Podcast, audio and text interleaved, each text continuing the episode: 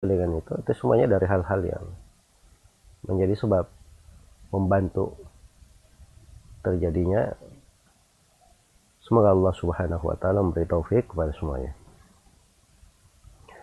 Baik ini pertanyaan dari Facebook. Apakah menyentuh tai cicak membatalkan wudhu?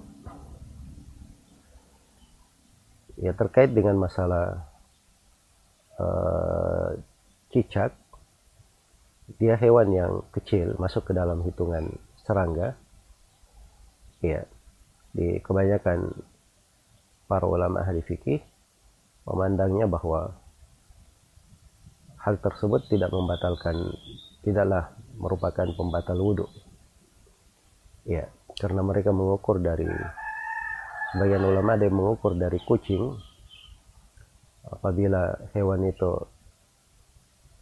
sebesar kucing atau kurang darinya maka itu masuk ke dalam hewan-hewan yang kotorannya tidak najis ya itu di satu sudut karena memang uh, di dalam masalah ini tidak ada dalil yang kuat dan tegas menunjukkan hal tersebut sebagai najis. Ya, karena itu kembali kepada asalnya, asalnya tidak ada yang membatalkan wudhu kecuali dengan dalil. Dan perlu dalil untuk hal tersebut. Kemudian yang kedua terkait dengan uh, kotoran cicak ini, Cicak itu dari hewan yang di sebagian tempat itu susah untuk dihindari, berada di mana-mana. Iya, berada di mana-mana. Karena itu pada hal-hal yang sulit untuk dihindari, pada hal-hal yang sulit untuk dihindari, itu biasanya dimaafkan. Semoga Allah memberi taufik kepada semuanya. Baik. Ini pertanyaan dari Facebook juga. Menyimak kajian sambil kerja apakah diperbolehkan? Ya, jawabannya sepanjang dia bekerja sesuai dengan amanah kerja, tidak mengurangi apa yang merupakan amanah kerjanya, maka tidak ada masalah dia ikut kajian secara online atau dia mendengarkan Al-Quran atau yang semisal dengannya. Sepanjang itu tidak bertentangan dengan amanah kerjanya, ya tapi kalau misalnya bertentangan dengan amanat kerja atau mengganggu dia dari pekerjaan maka pada asalnya seorang pegawai apabila dia sudah terikat dengan kerjaan itu artinya dia telah uh, menjual waktunya dengan mengambil upah maka ada akad amanah di situ yang harus dia jaga dan harus dia pelihara semoga Allah memberi taufik kepada semuanya Baik ini pertanyaan dari Facebook. Apakah mendinginkan makanan dengan kipas angin sama hukumnya dengan meniup makanan? Jawabannya beda ya. Larangan, larangan di dalam hadis itu adalah nafak, adalah meniup. Ya pada makanan di dalam Sahih Muslim. Adapun kalau dia mendinginkannya menggunakan kipas angin, maka itu tidak ada masalah, insya Allah taala.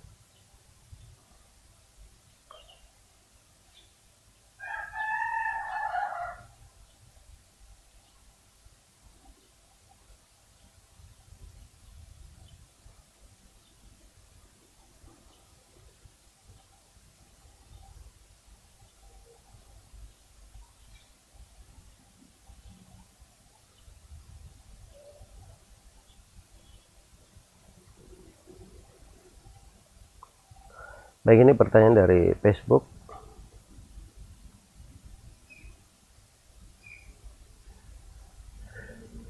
Bagaimana kiat-kiat menasihati orang tua yang terkena pemahaman pluralisme atau liberalisme? Ini dua pemahaman ya, artinya pemahaman yang beraneka ragam. Dia berbeda, dia menganggap semua agama itu sama, dan itu adalah kekafiran menganggap pada setiap agama itu ada uh, apa namanya jalan mengantarnya kepada surga dan itu kekafiran. Karena Nabi Shallallahu Alaihi Wasallam bersabda dalam hadits riwayat Bukhari dan Muslim la yasma'u bi yahudiyyun wala nasraniyyun thumma la yu'minu bima ji'tu bih illa kana min ashabin nar. Tidak seorang Yahudi maupun Nasrani mendengar saya diutus, lalu dia tidak beriman terhadapku, kecuali dia pasti penghuni neraka. Ya. Dan satu surah dalam Al-Quran yang dinilai sebagai seperempat Al-Quran. Surah Al-Kafirun. Qul ya ayyuhal kafirun, la a'budu ma ta'budu. Katakan wahai orang-orang kafir, saya tidak beribadah kepada apa yang kalian ibadahi. Wala ana abidum ma abattum. Dan saya bukanlah orang yang beribadah kepada apa yang kalian ibadahi. Wala antum abiduna ma abudu. Dan kalian tidak mengibadahi apa yang aku ibadahi.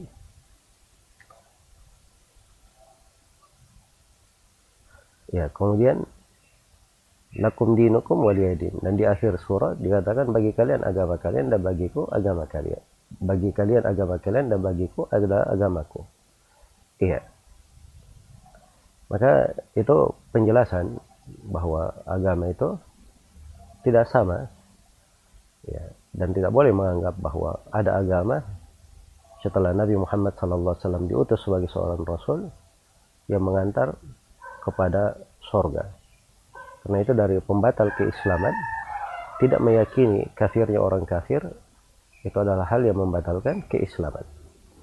Ya, dari pembatal keislaman juga siapa yang menganggap bahwa manusia itu siapa yang menganggap bahwa manusia itu dia punya kebebasan dia punya kebebasan di dalam beragama bisa keluar dari syariat Nabi Muhammad Siapa yang menyangka ada seorang di tengah manusia bisa keluar dari syariat Nabi Muhammad SAW, maka itu kafir menurut kesepakatan ulama. Tidak ada silam pendapat di dalam hal tersebut.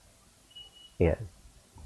Karena itu di dalam menasihati orang tua yang terjangkit pemahaman pluralisme atau liberalisme ini, liberalisme ini mirip dengan kaum munafikin, orang-orang yang selalu apa namanya uh, mengakal-akali dari agama, mengeritik dari tuntunan syariat, ya, menganggap dirinya penuh dengan kebebasan. Dan ini perlu ditanamkan bahwa Islam itu adalah agama ketundukan dan ketaatan kepada Allah Subhanahu wa taala. Ya, dan Islam itu adalah agama yang sejatinya mengeluarkan seseorang dari penghambaan kepada makhluk menuju kepada penghambaan kepada Allah yang menciptakan seluruh makhluk. Ya, karena hakikat dari liberalisme, ya seorang itu menjadi budak dirinya sendiri atau menjadi budak syaitan. Walaupun dengan bahasanya kita berpikir sesuai dengan akal sehat atau kita berpikir uh, lebih moderat atau kita berpikir lebih luas, tapi hakikat syar'i itu sebenarnya ingin keluar dari tuntunan agama, ingin menjadi budak syaitan atau menjadi budak dirinya sendiri. Ya, semoga Allah Subhanahu wa taala memberi taufik kepada semuanya. Wallahu taala.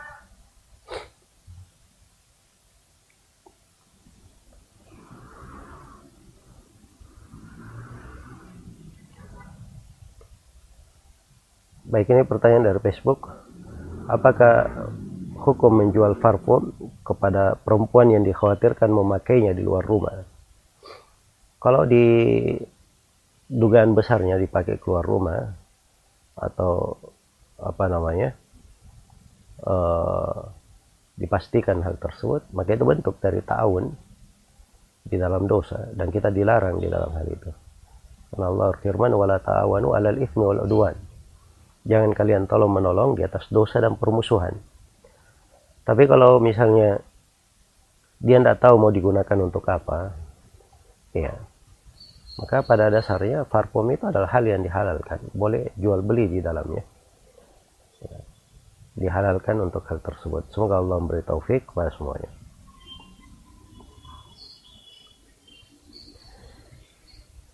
Baik ini pertanyaan dari Facebook, bagaimana cara mengatasi futur? Ini barakallahu fikum futur ini adalah kelusuhan di dalam beribadah. Yaitu kehidupan memang seperti itu. Ada suatu kala seseorang itu semangat ada satu kala dia turun semangat. Ada satu kala dia turun semangat. Yang perlu dia jaga pada dirinya dikala turun semangat dia tetap di atas sunnah Nabi Shallallahu Alaihi Wasallam.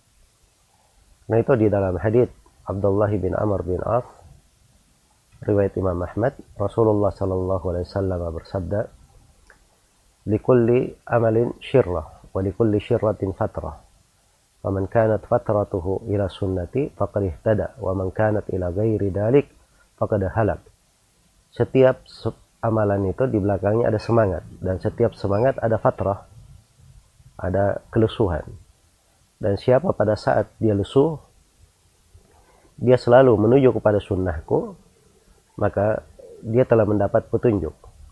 Dan siapa yang pada saat dia lesuh kepada dia kembali kepada selain sunnahku maka dia telah binasa. Iya.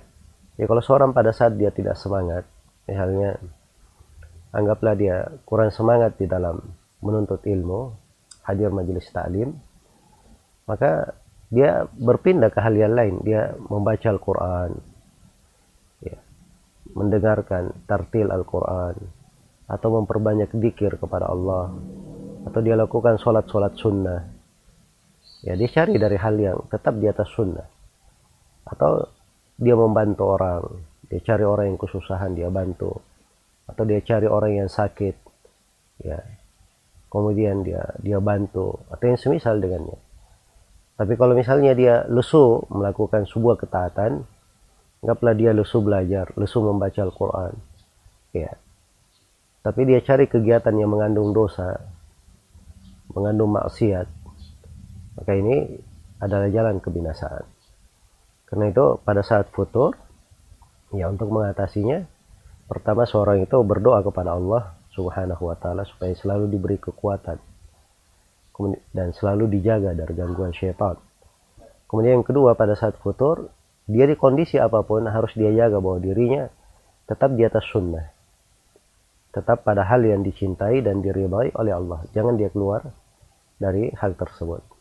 Kemudian yang ketiga, dia sibukkan dirinya dengan perkara-perkara yang bisa membangkitkan kembali semangatnya membangkitkan kembali semangatnya misalnya kalau dia dalam futurnya di dalam kelapangan keluasan maka dia ingat ada di golongan manusia yang dihampiri oleh siksaan dihampiri oleh adab secara tiba-tiba.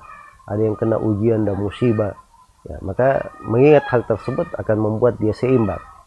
Sebagaimana kalau misalnya dia jatuh di dalam uh, kesewenang-wenangan, maka dia ingat bahwa ada di antara umat-umat yang telah lalu yang sangat kuat ya dan memiliki kekuasaan bersama dengan itu dibinasakan oleh Allah Subhanahu wa taala tidak ada yang bisa menahannya. Maka hal-hal yang seperti ini membantu seseorang. Semoga Allah Subhanahu wa taala selalu meneguhkan kita semua di atas keimanan dan menambah kita semangat di dalam kehidupan dan menjauhkan kita dari segala hal yang dibenci oleh Allah wallahu taala alam.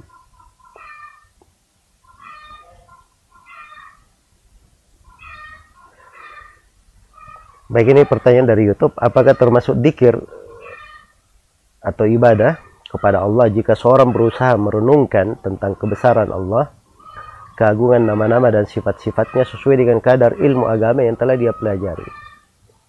Ya bagus ya nggak ada masalah yang jelas dia berpijak sesuai dengan dasar ilmu yang dia ketahui ya sesuai dengan dasar ilmu yang diketahui sebab tafakur tadabbur tadakur serta ta'amul itu mana-mana yang bermakna dia selalu memperhatikan mengingat ya merenungkan mendalami akan keagungan dan kebesaran Allah Subhanahu wa taala. Ya. Tidak ada hal-hal yang zahir jelas. Itu kelihatan seperti misalnya penciptaan langit dan bumi, persilih gantian siang dan malam. Nah, itu terdapat tanda-tanda kebesaran Allah Subhanahu wa taala. Maka semoga Allah Subhanahu wa taala memberi taufik kepada semuanya wallahu taala alam. Apakah ada dikir atau doa khusus setelah sholat Jumat? ya saya tidak tahu ya ada doa dan zikir khusus setelah sholat Jumat ya umumnya sholat Jumat itu sama dengan sholat lima waktu. Karena Jumat itu adalah pengganti dari sholat duhur. Maka di, disyariatkan dia sholat sunnah. Boleh dua rakaat boleh empat rakaat. Yang disyariatkan dan dikir-dikir yang dibaca selepas sholat Jumat juga uh, berlaku padanya dikir yang dibaca di sholat lima waktu. Semoga Allah Subhanahu wa taala memberi taufik kepada semuanya. Baik ini dari YouTube juga. Apakah dikir pagi dan petang cukup membaca ayat kursi, surah Al-Ikhlas, surah Al-Falaq dan surah An-Nas? Kalau dia melakukan hal tersebut, boleh saja. Itu bagian dari dikir pagi dan petang. Iya. Bagian dari dikir pagi dan petang. Menurut pendapat sebagian ulama yang menguatkan tentang tiga kul ya. Tapi yang lebih kuatnya bahwa uh, tiga kul itu itu dibaca di pagi dan sore di dikir selepas sholat. Dibaca di dikir selepas sholat. Ya dan ayat kursi itu syah di belakang selepas sholat juga. Tapi kalau dibaca di dikir sore juga nggak ada masalah. Insya Allah Ta'ala. Baik, kalau dia mencukupkan pada pagi dan petang dengan sebagian dikir, dibolehkan. Tapi kalau dia ingin sempurna, dia baca dari dikir-dikir yang diajarkan pada pagi dan petang tersebut.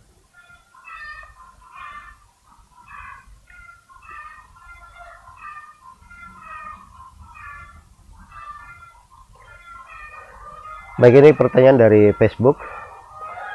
Bagaimana sikap kita saat sholat subuh berjamaah di masjid, lalu imamnya kunut subuh? Apakah kita ikut kunut dan mengangkat tangan juga? Ya jawabannya bahwa sholat berjamaah itu yang diinginkan adalah kebersamaan. Ya dan asalnya makmum itu mengikuti apa yang dilakukan oleh imam. Karena di dalam hadis riwayat Bukhari dan Muslim Rasulullah sallallahu alaihi wasallam bersabda, "Inna maju'ilal imamu liyutamma bih." Imam itu dijadikan untuk diikuti. Jadi kalau misalnya ada sebagian imam yang melakukan kekeliruan, dia kunut subuh misalnya, ya menurut pendapat yang lebih kuat bahwa kunut subuh itu tidak disyariatkan pada sholat wajib. Kunut itu ada syariatnya di kunut nazilah. Di kunut nazilah. Nah hadith tentang syariat kunut subuh itu berasal dari hadith-hadith yang lemah. Berasal dari hadith-hadith yang lemah. Tapi kalau imamnya kunut maka kita ikut kunut di belakangnya agar supaya kita tidak menyelisihi kebanyakan orang Kecuali kalau di belakang imam kebanyakannya tidak kunut, imamnya sendiri aja yang kunut, ya maka ini nggak ada masalah ya dia ikut kepada kebanyakan orang tidak kunut nggak ada masalah. Tapi kalau kebanyakan orang di masjid itu kunut, ya maka dia ikut kunut mengangkat tangan itu tidak ada masalah. Ya, dan itu difatwakan oleh sejumlah ulama di masa ini seperti Syekh Shalal Fauzan, Syekh Rabi dan selainnya. Semoga Allah memberi taufik kepada semuanya.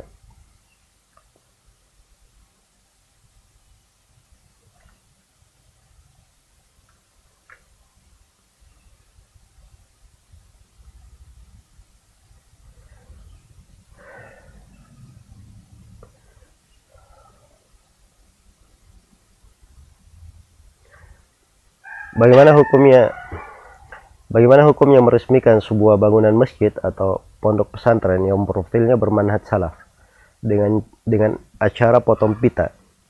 Apakah ini termasuk kategori tasyabuh menyerupai orang kafir?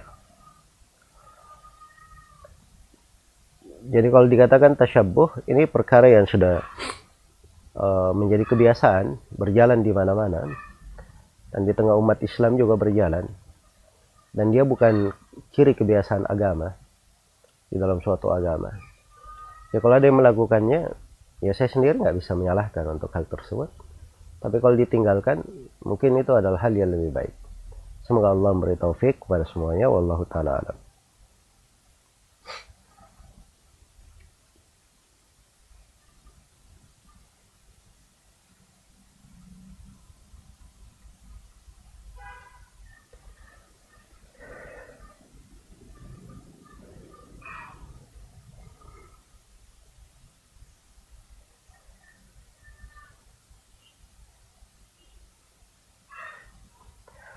apakah mandi biasa boleh disatukan niat dengan berwudu atau hanya mandi wajib saja nah ini sama ya berlaku untuk mandi wajib dan berlaku untuk mandi biasa juga karena hadits Aisyah radhiyallahu anha riwayat Imam Ahmad dan Nasai karena Nabi sallallahu alaihi wasallam la yatawaddau ba'dal ghusl. Nabi sallallahu alaihi wasallam itu tidak berwuduk setelah mandi. Tidak berwuduk setelah mandi. Jadi kalau mandi dia niatkan dengannya wudhu, dia niatkan dengannya wudhu, maka tidak ada masalah hal tersebut. Dan para fuqaha juga menunjukkan menjelaskan apabila seorang itu misalnya di depannya ada sungai atau ada kolam lalu dia mencuburkan dirinya di situ dengan niat berwudu, maka itu syah untuknya sebagai wudu. Semoga Allah memberi taufik kepada semuanya.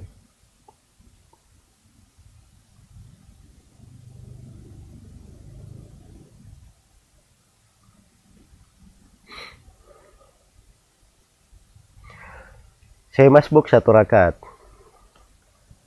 Lalu imam tempat saya sholat sedang sujud sahwi Apakah saya ikut sujud sahwi atau saya berdiri menambah rakaat yang tertinggal? Kalau imamnya sujud sahwi sebelum salam, maka makmum wajib ikut sujud sahwi bersama imam.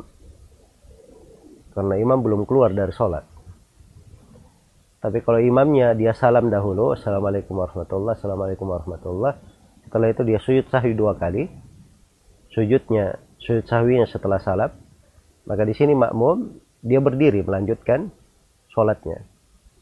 Iya. Tidak mesti dia ikut imam. Apakah setelah salam si makmum sujud sahwi juga?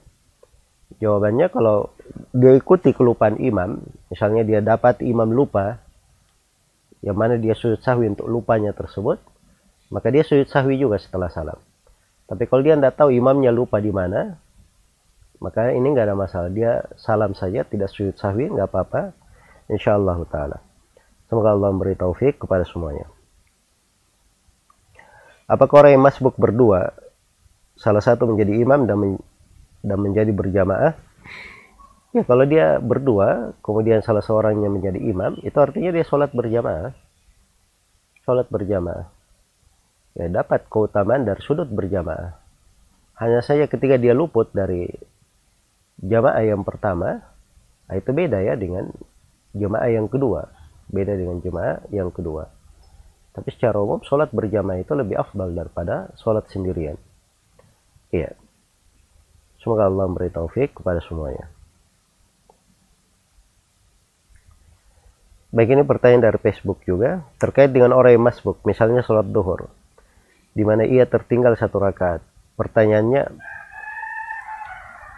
posisi yang masbuk saat imam tasyahud akhir apakah dia duduk tawarruk atau duduk iftirash? Ya posisi duduknya asalnya dia masih duduk uh, iftirash karena dia belum salam atau dia belum duduk di tasyahud terakhir. Tapi kalau dia duduk duduk tawarruk ikut imam maka itu boleh saja dan sebagian ulama mengatakan itu hal yang afdal. Hal yang bagus tapi tidak diwajibkan. Tidak diwajibkan. Baik.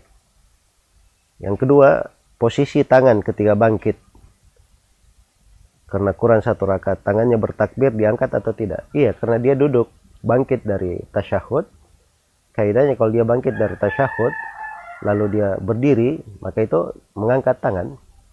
Mengangkat tangan bertakbir dan mengangkat tangan sebagaimana dalam hadits Ibnu Umar riwayat Al Bukhari semoga Allah memberi taufik kepada semuanya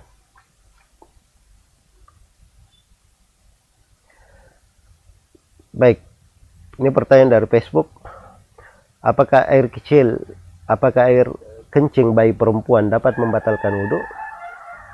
Air kencing itu bayi laki-laki, bayi perempuan itu tidak membatalkan wudhu. Ya. Dewasa maupun kecil. Kalau orang misalnya apa namanya menginjak najis atau tersentuh najis, maka itu tidak membatalkan wudhu.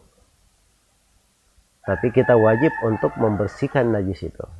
Wajib untuk membersihkan najis tersebut. Kalau najisnya sudah dibersihkan tidak perlu uduk lagi. Tidak perlu beruduk lagi. Iya.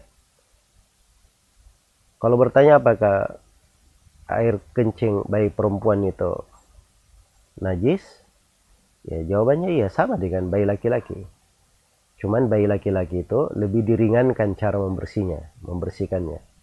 Kalau bayi laki-laki yang belum punya makanan tetap selain dari air susu ibunya, itu cukup dipercikkan saja untuk dibersihkan. Jadi dua-duanya najis, cuman cara membersihkannya, satunya diringankan. Semoga Allah Subhanahu wa taala memberi taufik kepada semuanya.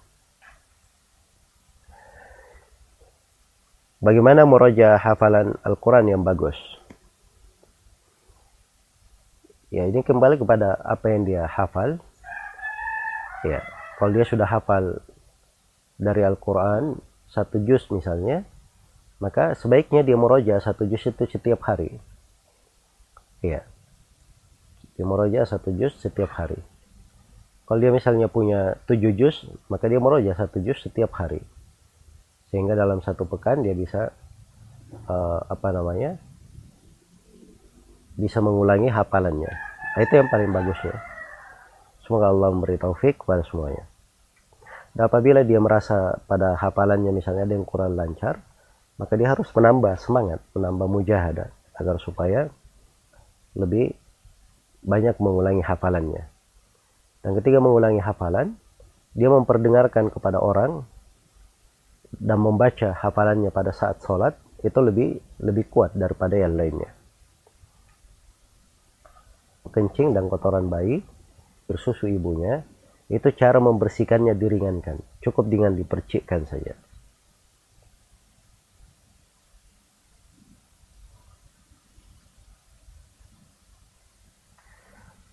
Apakah seorang istri diperbolehkan mengikhlaskan mahar dari suami yang belum selesai membayar maharnya.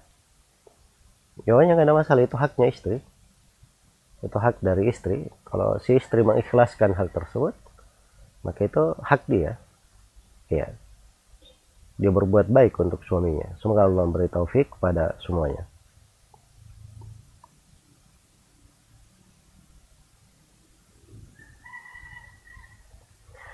Apakah ada dalil khusus yang menjelaskan besarnya pahala sholat wajib lima waktu.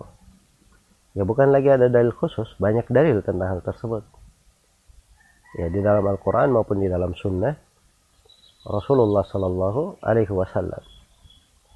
Karena itu di antara sifat kaum mukminin, walladzina hum ala salatihim yuhafidun. Mereka adalah orang-orang yang menjaga solat-solatnya. Itu asal kewajibannya terkait dengan solat lima waktu. Allah firman, hafidhu ala salawati was salatil wusta jagalah sholat-sholat semuanya dan sholat al-wusta yaitu sholat pertengahan. Iya. Dan juga dimaklumi bahwa sholat ini diterima oleh Nabi Shallallahu Alaihi Wasallam di atas langit di mana seluruh kewajiban yang lain diterima oleh Nabi di bumi. Ya sholat ini diterima oleh Nabi secara langsung di mana kewajiban yang lain itu diterima oleh Nabi dengan perantara. Sholat itu tadi ya 50 waktu diringankan diringankan menjadi lima waktu. Lima waktu ini senilai dengan lima puluh. Ya dan keagungan kebesaran sholat lima waktu itu ditulis oleh para ulama. Buku-buku berjilid-jilid. Al Imam Muhammad bin Nasr Al Marwazi itu punya buku judulnya Ta'zim Qadiris Salah pengagungan kebesaran sholat. Ya. Pengagungan terhadap kadar sholat. Dan itu dicetak dalam dua jilid besar Semoga Allah memberi taufik kepada semuanya.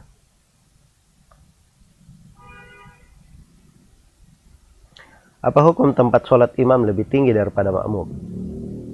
Nah, ini dari bida-bida ya di masa sekarang. Iya, asalnya itu tempat sholat imam dan makmum itu sama, tidak ada yang membedakan. Karena berjamaah, berjamaah itu mengandung makna kebersamaan. Dan kebersamaan itu asalnya tidak ada pemisah dalam bentuk ketinggian maupun yang semisal dengannya. Iya. Dan ini juga tidak pernah terjadi di masa Nabi Shallallahu Alaihi Wasallam, para khulafa Rasyidin, ya, dan setelahnya. Nah hingga hari ini di mimbar Rasulullah Shallallahu Alaihi Wasallam Masjid Nabawi itu antara imam dan makmum itu sama, sama tingginya. Itu yang berjalan di tengah kaum muslimin. Semoga Allah memberi taufik kepada semuanya.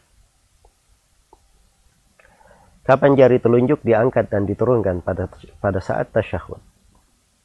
Ya jari telunjuk itu diangkat dari awal tasyahud dan diturunkan bersama dengan akhir tasyahud. Iya. Karena di dalam hadis Wa'il bin Hujr Rasulullah sallallahu alaihi wasallam bersabda ketika tasyahud wa asyara bi syababatihi yad'u biha. Dan beliau berisyarat dengan jarinya, beliau berdoa dengannya. Beliau berdoa dengannya. Maka sepanjang dia membaca doa tasyahud, ya, maka dia berisyarat. Artinya kapan dia sudah tidak membaca doa lagi, maka dia tidak berisyarat, dia turunkan. Semoga Allah memberi taufik kepada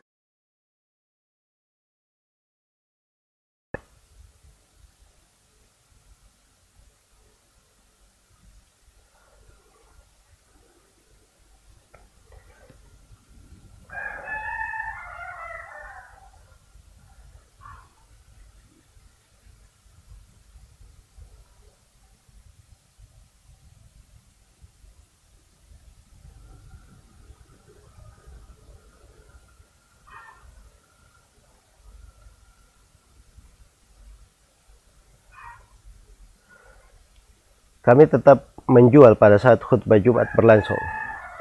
Nama yang menjual adalah mertua perempuan saya.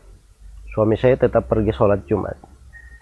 Apakah hasil berjualan pada saat itu tetap haram? Jika iya bagaimana dampak penghasilan tersebut jika kita gunakan untuk makanan sehari-hari? Ini dari hal yang terkait dengan halal dan haram itu hendaknya diperhatikan oleh setiap muslim dan muslimah. Jadi larangan berjualan setelah adan kedua itu syah di dalam syariat. Iya. Dan diperintah oleh Allah Subhanahu wa taala. Larangannya ada di dalam Al-Qur'an, wadarul bai' dan tinggalkan jual beli.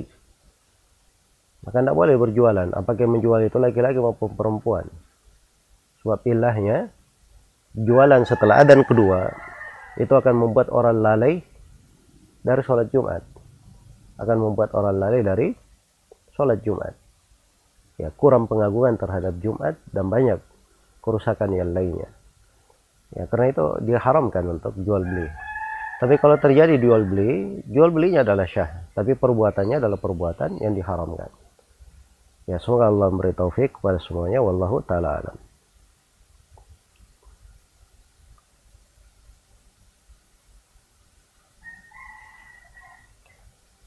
Bagaimana lafadz doa untuk minta agar masuk surga tanpa hisab dan tanpa adab. Iya. Ini boleh dia bahasakan dengan bahasa dia sendiri. Apakah dalam bahasa Arab atau bahasa, bahasa Indonesia.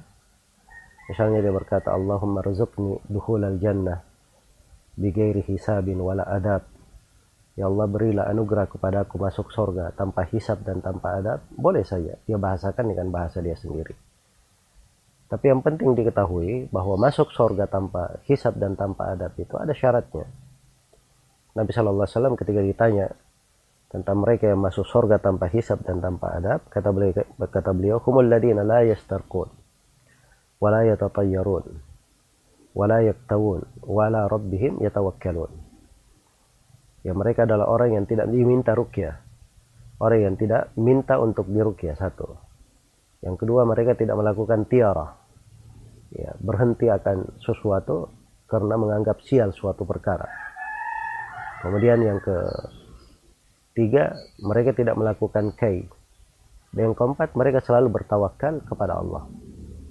Ya, jadi kalau ini terpenuhi, sempurna dari tauhidnya, dia punya tauhid dan sempurna sampai ke tingkatan ini, maka dia termasuk orang yang insya Allah taala dikatakan oleh Nabi masuk surga tanpa hisab dan tanpa adab. Jadi syarat itu dipenuhi. Ya, jangan dia meminta sesuatu tetapi dia tidak penuhi syaratnya. Dia tidak penuhi syarat dan ketentuannya.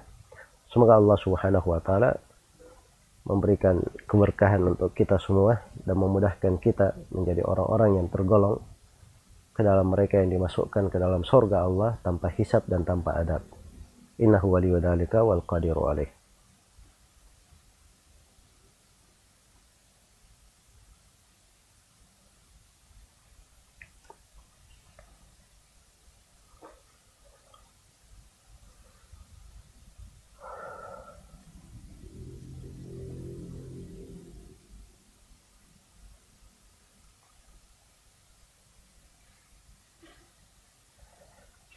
apa hukum ikut jual beli di aplikasi online shop? Apakah kita boleh mengambil bonus-bonus dari aplikasi tersebut? Nah, ini saya nggak tahu ya tentang apa yang ditanyakan di sini. Ya, bentuk-bentuk jual beli itu beraneka ragam di dalamnya. Kemudian bonus-bonus itu juga sifatnya bermacam-macam. Saya nggak tahu ya mana yang dimaksud oleh penanya di sini. Jadi kalau diperjelas bagaimana bentuknya, itu lebih baik ya. Dan saya nasihatkan untuk kawan-kawan dalam bentuk pertanyaan yang seperti ini, agar supaya menanyakan pada kejadian yang terjadi secara spesifik agar supaya bisa diterangkan hukum syar'i di dalamnya. Ya wallahu taala alam.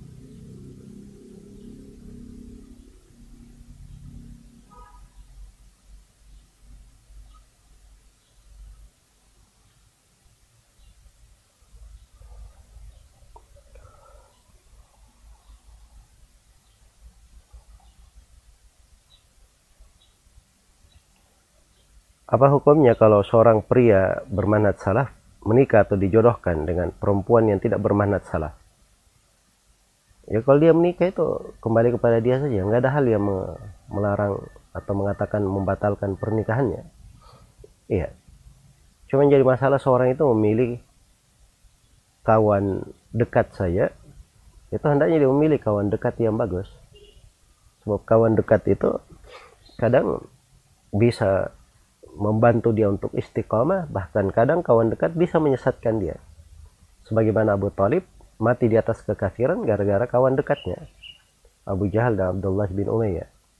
Sebagaimana sejumlah ulama ini saya katakan ulama bukan orang-orang biasa. Ulama jatuh di dalam pemikiran-pemikiran keliru karena dia berkawan dengan orang-orang yang berpemikiran sesat. Berpemikiran sesat. Iya ini memilih kawan dekat apalagi memilih kawan hidup. Memiliki kawan hidup. Jadi jangan uh, seorang itu kadang dia berkata oh ya mungkin suatu hari saya dakwai. Mungkin kalau saya sudah nikahi apa namanya dia akan berubah. Ya itu harapan. Harapan boleh saja seorang berharap. Tapi kalau kenyataan ya belum tentu hal tersebut terjadi dan hidayah itu di tangan Allah ada di masa dahulu seorang yang bernama Imran bin Hattan. Ya, dia dari anak-anak para sahabat. Seorang tadinya istiqamah di atas jalan as-salaf.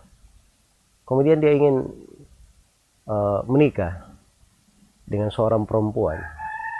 Tertarik dengan perempuan ini. Dan perempuan ini bermadhab khawarij. Bermadhab khawarij. Ya, maka setelah dia menikah, dia juga berubah menjadi khawarij. Saking ekstrimnya dia berubah menjadi khawarij.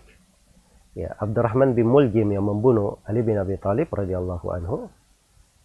Imran bin Hittan ini, Imran bin Hattan ini memuji Abdurrahman bin Muljim. Memuji perbuatan dia membunuh Ali bin Abi Thalib. Nah, itu perhatikan bagaimana ya kawan hidup bisa merubah seseorang itu. Ya, karena itu istiqamah itu adalah suatu nikmat yang tidak bisa diukur dengan nikmat-nikmat yang lainnya. Ya, kalau seorang dari awal dia memilih yang terbaik, mencari yang terbaik, apa yang bagus untuk dirinya, dia bisa lakukan hal tersebut, itu yang dia lakukan. Sambil seorang itu melakukan sholat istikharah, meminta kepada Allah, selalu berdoa, diberi petunjuk. Semoga Allah memberi taufik kepada semuanya. Wallahu ta'ala alam.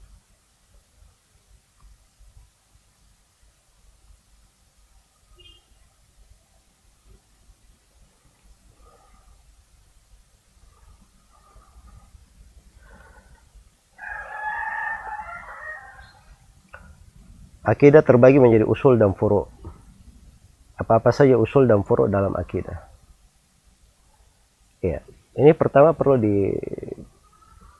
diketahui ya bahwa pembagian pembagian agama menjadi usul dan furu itu bukan pembagian yang diterima itu pembagian yang dikritik oleh para ulama seluruh pembahasan agama itu dibesarkan diagungkan ya karena Allah Subhanahu wa taala berfirman, "Dzalika wa may yu'azzim sya'airallah fa innaha min taqwal qulub." Demikianlah bagi siapa yang mengagungkan syiar-syiar Allah, maka itu bagian dari ketakwaan dalam hati. Dan Allah memerintah kita masuk ke dalam Islam secara keseluruhan. Sebagaimana firman Allah, Ya ayuhalladzina amanu dukhulu fisilmi kafah. Wahai orang-orang yang beriman, masuklah kalian ke dalam Islam secara sempurna, secara keseluruhan. Iya. Jadi kalau di pembagi, ada yang membagi misalnya pembahasan akidah, ya itu pokok dari pembahasan fikih akbar atau usul pembahasan akidah. Pembahasan fikih itu disebut furu, itu enggak ada masalah. Itu berjalan di sebagian ulama. Iya walaupun ada kritikan di dalam hal tersebut karena ada pembahasan-pembahasan fikih itu masuk di pokok-pokok pembahasan akidah karena menjadi ciri pembeda antara ahli sunnah dan ahlul bidah iya kemudian membahasakan bahwa akidah terbagi dua ada usul dan furu ini juga bukan bahasa yang digunakan sedemikian rupa betul ada namanya usul etikat usul etikat itu adalah perkara yang disepakati oleh para as-salaf, para ulama dari dahulu. Tidak ada silam pendapat. Itu masuk di dalam masalah usul. Iya. Dan ada hal yang bercabang dari pembahasan etikot tersebut. Yang bercabang ini kalau ada silam pendapat itu dihitung pakai jari di hal yang berpendapat. Ya, karena itu tidak cocok kalau dikatakan usul dan furu. Ini akan mengaburkan pembahasan-pembahasan yang jelas. Akan mengaburkan dari pembahasan-pembahasan yang jelas. Iya. Ini membagi-bagi antara usul dan furu di pembahasan yang seperti ini kadang menjatuhkan ke dalam uh, kekeliruan banyak kelompok-kelompok ahlul bidah yang menyimpang dari masa dahulu. Semoga Allah Subhanahu wa taala memberi taufik kepada semuanya.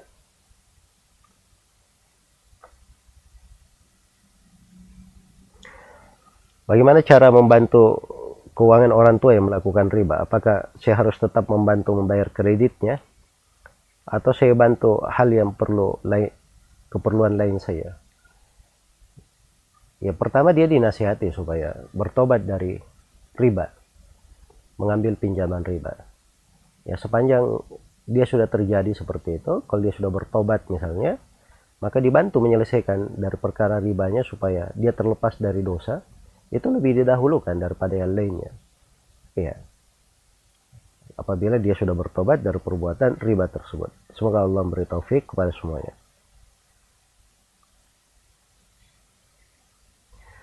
Apakah memakai model cadar yang tidak menutup seluruh kepala berarti tidak sesuai dengan perintah Allah? Nah, ini kembali kepada hukum cadar itu sendiri, apakah dia wajib atau tidak, dan itu ada silam pendapat di tengah ulama.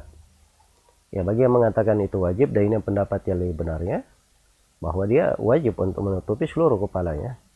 Ya seluruh bagian mukanya. Seluruh bagian mukanya. Dan di sini yang ditanyakan tidak menutup seluruh kepala. Bukan muka ya terkait dengan kepala. Kalau dia tidak menutup seluruh kepalanya maka itu disepakati ya tentang keharamannya. Karena yang silam pendapat itu adalah menutupi muka. Ya adapun menutup kepala di dalam berhijab itu adalah hal yang tidak ada silam pendapat di tengah para ulama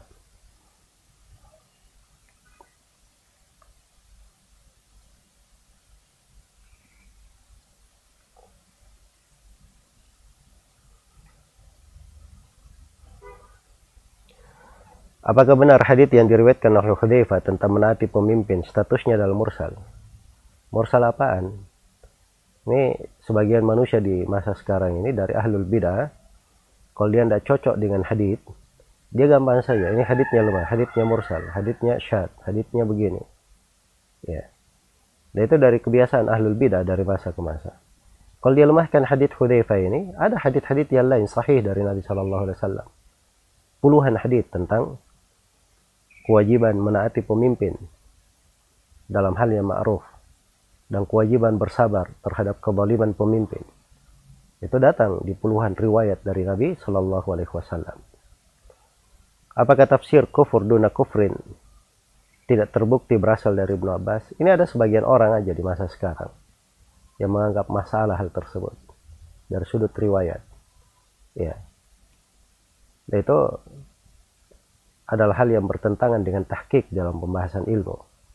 Kemudian apa yang disebutkan oleh Ibn Abbas dengan adanya kufur dona kufur itu adalah hal yang disepakati oleh para ulama berjalan di dalam praktek para as-salaf dari dahulu maupun belakangan. Iya. Karena itu yang meragukan di dalam hal ini menempatkan kaidah-kaidah bukan pada tempatnya itu biasanya hanya orang-orang yang memiliki hawa nafsu memiliki pemikiran menyimpang akhirnya dia tafsirkan sesuatu itu bukan pada tempatnya. Semoga Allah memberi taufik kepada semuanya wallahu taala alam.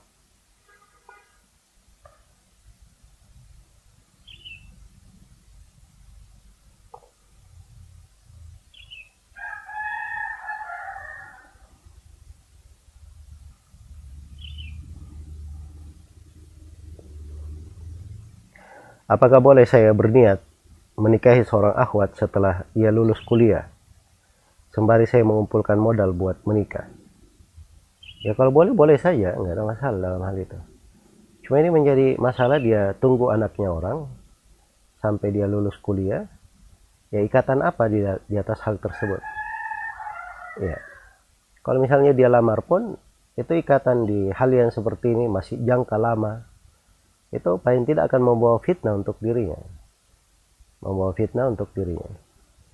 Maka hal-hal yang seperti ini hendaknya dia hindari ya seorang itu melakukan sesuatu apa yang dengannya agamanya selamat dia diridho oleh Allah tidak membawa tidak membuka pintu syaitan di dalam hatinya. Kalau dia sudah siap menikah dia nikahi siapa yang Allah subhanahu wa taala mudahkan untuknya.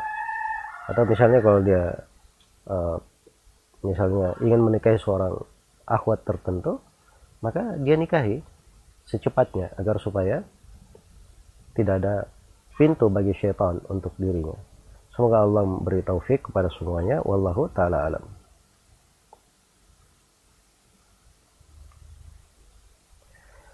Apakah pahala perempuan yang sholat berjamaah di masjid sama dengan pahala laki-laki yang berjamaah di masjid? Jawabannya dia dapat. Keutamaan sholat berjamaah ya dan perempuan itu tidak boleh dilarang menghadiri sholat berjamaah. Karena dalam hadis Ibnu Umar riwayat Bukhari dan Muslim Rasulullah Sallallahu Alaihi Wasallam bersabda la tamna'u ima Allahi masajid Allah. Jangan kalian melarang hamba-hamba perempuan Allah mendekati masjid-masjid Allah.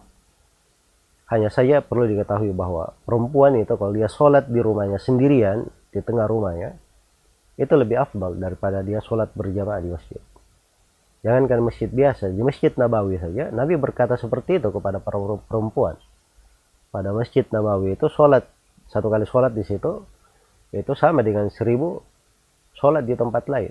Tapi bersama dengan itu, sholatnya perempuan di rumahnya itu lebih baik daripada sholatnya mereka di masjid Nabi Shallallahu Alaihi Wasallam. Nah ini keutamaan Allah berikan kepada para perempuan, ya, untuk menjaga kehormatan mereka dan supaya mereka terlatih ya di atas syariat sorga mereka itu sudah disiapkan untuk mereka di rumah. Ya kalau dia keluar dari rumahnya artinya dia sudah meninggalkan banyak hal dari sorganya di rumah. Ya dan bukan artinya perempuan itu tidak boleh keluar rumah kalau dia ada keperluan secara syari. Ya dibolehkan dia keluar rumah. Atau misalnya dia bekerja pada hal yang memang dia perlu untuk hal itu dan tidak ada pelanggaran syariat juga dibolehkan tidak ada masalah. Tapi ingat keutamaan terbesarnya kebaikan terbesarnya adalah dia berada di dalam rumah. Dan telah Allah siapkan untuknya berbagai ketaatan dan pahala yang besar dengan hal tersebut.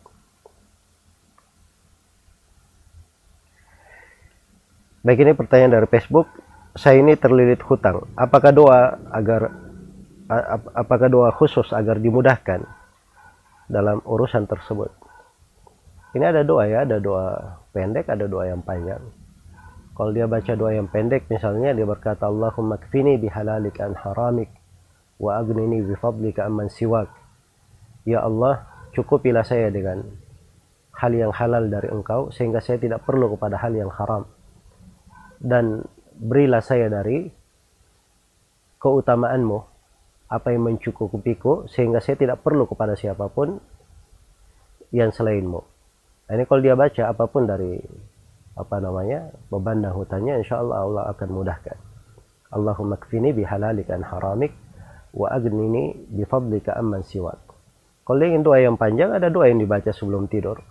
Allahumma rabbas samawati ya wa rabbal ardi wa rabbal arshil azim rabbana wa rabb kulli خالق الحب والنواء منزل التوراة والإنجيل والفرقان ya terus dia apa namanya uh, di kelanjutan doanya di akhirnya dia berkata Allahumma antal awwalu falaysa qablaka syai' wa antal akhiru falaysa ba'daka syai' wa antal dhahir falaysa fawqaka syai' wa antal batinu falaysa dunaka syai' ya iqdi anid dain wa agnini minal faqr itu ujungnya.